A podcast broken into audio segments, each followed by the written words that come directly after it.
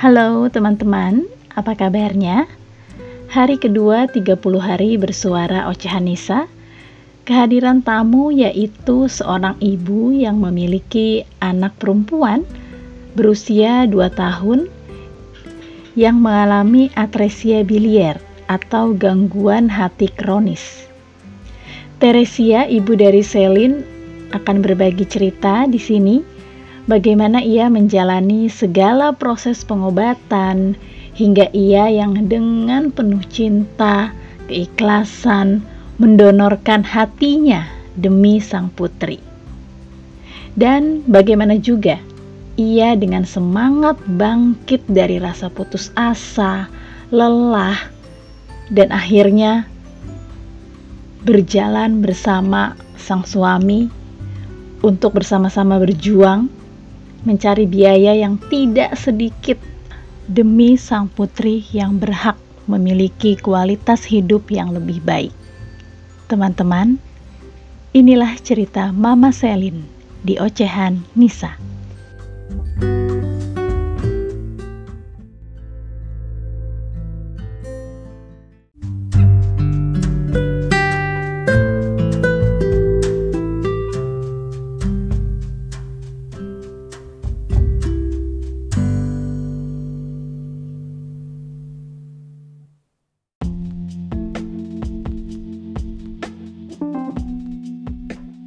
Jadi pas dari bayi itu sebenarnya dia kuning, cuma kan hmm. kalau bayi kuning itu masih wajar. Jadi uh, aku juga uh, kurang tahu waktu itu penyakit-penyakit anak kuning kayak atresia biliar itu nggak familiar. Jadi waktu anak aku si Selin ini kuning, ya aku jemur, aku kasih ASI yang banyak sebisa aku bisa kasih. Pas umur dia lima hari, aku ngeliat kok kayaknya masih kuningnya tuh kayak nggak membaik gitu kan. Waktu itu juga musim hujan di bulan Februari itu kan lagi deres-deresnya. Terus aku ke rumah sakit dia di fototerapi 24 jam. Bilirubinnya sih turun waktu itu bilirubin total. Tapi ternyata di situ direknya naik. Kan waktu itu aku nggak tahu kalau bilirubin direct yang tinggi itu ada sesuatu di dalam tubuhnya. Terus dokter anak di situ juga bilang uh, jemur aja, asi aja, jadi nggak ada edukasi lebih lanjut. Jadi sampai umur dua bulan dia masih kuning ya masih aku jemur terus. Jadi sampai hitam gitu anaknya. Terus pas waktu mau vaksin di bidan, uh, bidan bilang nggak mau ngevaksin anak ngevaksin Selin karena anaknya kuning takutnya ada infeksi. Jadi dirujuk ke suruh ke rumah sakit diperiksa di dokter anak di Tangerang dirujuk ke RSAB Harkit. Diobservasi selama seminggu saat itu diagnosanya kolestasis tapi suspek atresia bilier. Nah dokter bilang e, mau diupayakan dengan obat bisa kesembuhan dengan obat, tapi di us rentang usia kesembuhannya lima bulan sampai satu tahun. Pengobatan sampai umur tujuh bulan itu bagus kondisi anaknya aktif, uh, dari labnya juga perbaikan. Jadi saat itu aku optimis nih si Selin ini bisa emang bisa sembuh pakai obat. Tapi pas umur tujuh bulan, tujuh setengah bulan, dia melena mimisan. Tiba-tiba mimisan seharian aku nggak tahu waktu itu kenapa tiba-tiba mimisan. Terus di opnam HB-nya rendah karena HB rendah transfusi. Dua hari setelah opnam dia melena. Melena itu pup hitam. Jadi memang di dalamnya uh, ada pendarahan. Nah paginya di endoskopi ternyata ada varises esofagus yang pecah. Terus di saat itu aku langsung tanya ke dokter ini kondisi Selin sebenarnya seperti apa dok? Nah dokter bilang hatinya sudah sirosis bu. Jadi harus transplantasi hati dan yang bisa melakukannya itu di RSCM nah waktu itu langsung kayak runtuh semua dunia dunia aku runtuh gitu rasanya mbak. Kan sebelumnya aku udah optimis nih anak sembuh dengan obat eh tiba-tiba kondisinya berbalik banget dan dia aku dapat kabar dia harus transplantasi hati. Waktu itu yang aku takutin itu uh, lebih ke finansial kami. Karena kan finansial kami itu cukup nggak berlebih. Padahal untuk transplantasi hati itu biayanya cukup besar di bayangan kami. Gitu karena kurangnya banget apa tentang transplantasi hati yang katanya ratusan juta kayak gitu-gitu sih mbak. Makanya waktu itu sempat ada ketakutan juga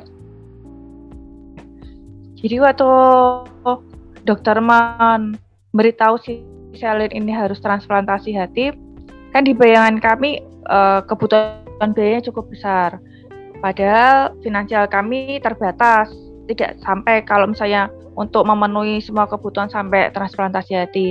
Kami coba cari-cari info, dibantu sama teman, keluarga. Akhirnya bertemu bertemu by phone sih waktu itu sama Pak Heri di hmm. Yayasan Rumah Satu Hati. Jadi di situ uh, waktu itu Salin masih posisinya rawat inap kan Nah, di situ Pak Heri menjelaskan tentang transplantasi hati, bagaimana prosedurnya, apa yang harus dipersiapkan, biayanya sekitar berapa. Di situ uh, langsung aku kayak nggak jadi pesimis lagi. Oh, aku bisa nih menempuh ini. Yang sebelumnya aku pesimis karena finansial yang kayaknya nggak mampu, nggak cukup. Ternyata uh, aku merasa ini bisa aku tempuh nih dan aku ngelihat si Selin ini juga daya juangnya tinggi jadi di situ aku terkuatkan gitu mbak aku tuh kayak ngelihat Selin itu kayak malu gitu aku kan nggak yang merasakan sakitnya. Kenapa aku sejatuh ini? Padahal dia yang merasakan sakitnya aja merasa happy happy aja kayak nggak ngerasa sakit gitu. Makanya di saat aku ngelihat dia uh, bisa senyum, bisa pokoknya bisa fighting, aku jadi fighting.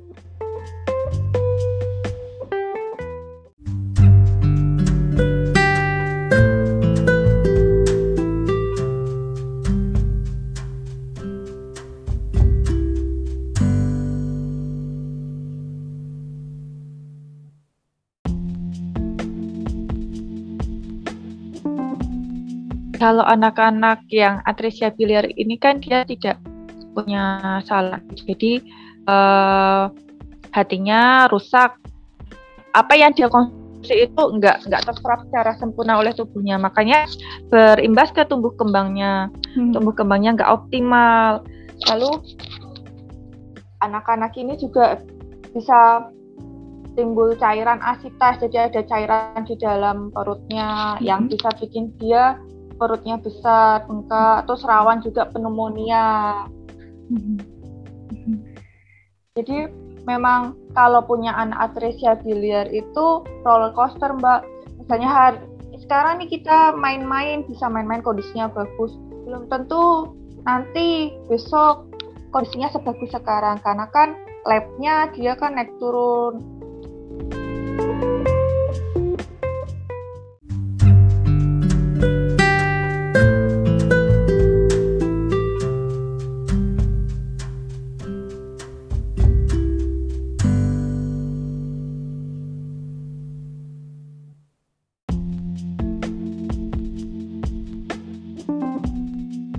dia kan berhak buat hidup ya mbak. Hmm. selama aku bisa memberikan awal lo itu hati aku aku kasih ke dia.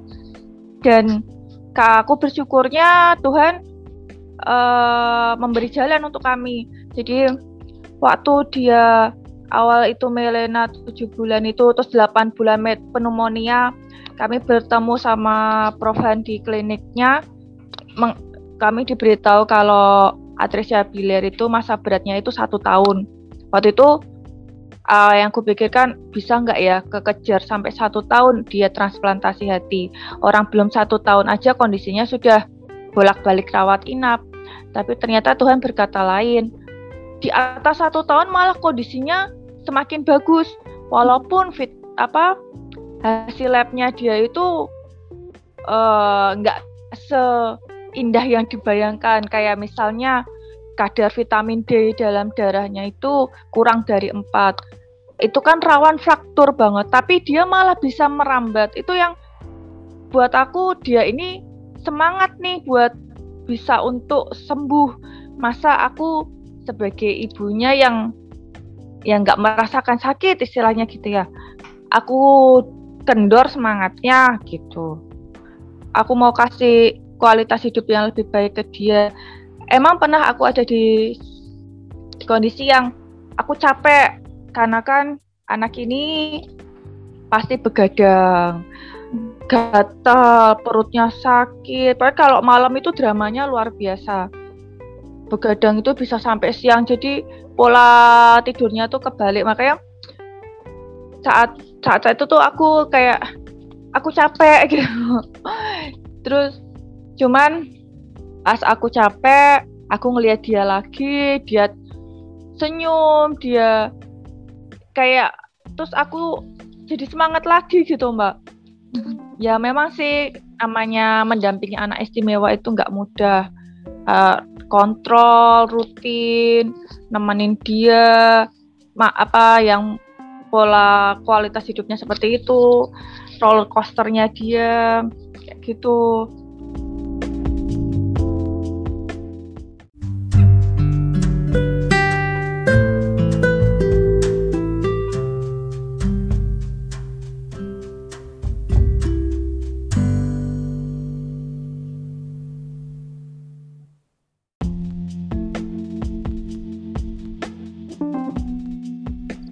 perlakuin dia kayak anak anak normal pada umumnya. Jadi aku latih sensorinya motoriknya biar nggak terlalu terlambat pertumbuh kembangannya. Kan memang kan loh hati itu kan banyak proses di hati kan metabolisme dan lain-lainnya. Jadi proses penyerapan vitamin gitu-gitu kan terhambat. Makanya pertumbuh kembangannya dia juga ikut terlambat. Tapi aku tetap merangsang sensori motoriknya. Jadi biar dia nggak terlalu terlambat. Aku memperlakukan dia kayak anak sehat gitu. Jadi hmm. biar dia tuh di mindsetnya itu aku anak sehat, aku anak kuat. Jadi dari bayi memang aku selalu nyebut Selin ini, Selin anak sehat, anak hebat, anak kuat. Makanya hmm. psikisnya dia merasa dia itu anak yang sehat.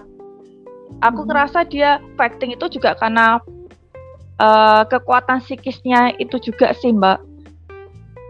Persiapan dananya kalau kami kemarin itu hampir 80 juta. Itu hmm. tidak tidak cuma screening saya sebagai pendonor ya, tapi juga ngejar selin vaksinnya dia kan banyak yang harus dikejar. Uh, vaksinnya harus sudah lengkap, itu salah satu syaratnya prosesnya selin itu saya aku screening sekitar bulan Desember. Hmm. Selesai screening itu lima bulan. Sebenarnya uh, terkendalanya kemarin karena pandemi COVID. Uh, awal tahun itu sempat tertunda satu tahun waktu itu karena pandemi COVID. Hmm. Jadi dan sempat tertunda untuk selling juga. Jadi waktu itu awalnya ditetapkan di bulan Juni. Terus kan waktu itu pandemi yang varian Delta kan luar biasa waktu itu kemarin kan kasusnya. Akhirnya semua operasi di RSCM dengan durasi lama, salah satunya transplantasi hati, harus ditunda sampai batas hmm. waktu yang kita tidak tahu. Nah, saat penundaan karena faktor eksternal itu yang buat aku sempat down karena kan kalau sebelum-sebelumnya aku bisa kejar nih proses screening ini aku bisa lari buat ngejar biar Selin segera dapat jadwal. Tapi kalau seperti kemarin karena faktor eksternal pandemi COVID kan kita nggak tahu ya Mbak ya itu sampai kapan. Untung aku aku sampai berpikiran ini anak bisa bertahan nggak ya sampai akhirnya dia dioperasi karena kan dia kan saat itu sudah di atas satu tahun tapi Tuhan masih berkehendak Selin dioperasi. Jadi pas di bulan September dia mendapatkan jadwal lagi. Cuman hmm. mundur lagi hmm. karena CMV-nya positif. Jadi waktu kami sudah di karantina itu posisinya, jadi Hamin satu dia operasi, harusnya sudah operasi, kami malah diberitahu kalau harus terapi dulu. Jadi hmm. ya memang saat itu belum waktunya Selin buat dioperasi.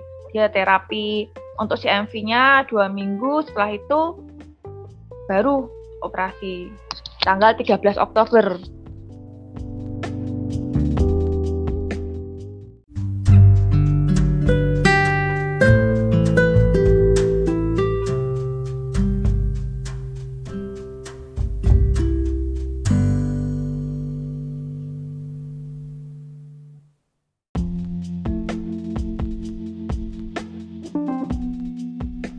yang sebelumnya dia kan belum rambat sekarang udah mulai bisa jalan. Oh, Tinggal PR-nya si Selin ini ngomong aja sih. Dia hmm. ada keterlambatan di bicaranya. Obat-obatan masih diminum imunosupresan yang harus diminum seumur hidup. Jadi oh. karena dia punya hati hati sehat dari saya itu dianggap tubuhnya itu benda asing. Jadi kalau dia nggak minum imunosupresan bisa kayak tubuhnya itu melawan hatinya itu. Makanya dikasih imunosupresan daya tahan tubuhnya biar tubuhnya bisa menerima hati sehat dari saya. Nah, efek samping kalau dia minum imunosupresan itu jadi mudah terpapar virus atau bakteri. Jadi daya tahan karena daya tahan tubuhnya kan ditekan jadi turunkan rendah. Mm-hmm. Makanya benar harus dijaga dia. Apa yang mau Mama Selin sampaikan untuk teman-teman para orang tua dari pasien apresiasi biliar? Uh, buat teman-teman yang masih berjuang tetap semangat. Walaupun kalian pasti ada di saat capek, down, boleh istirahat, tapi habis itu bangkit lagi.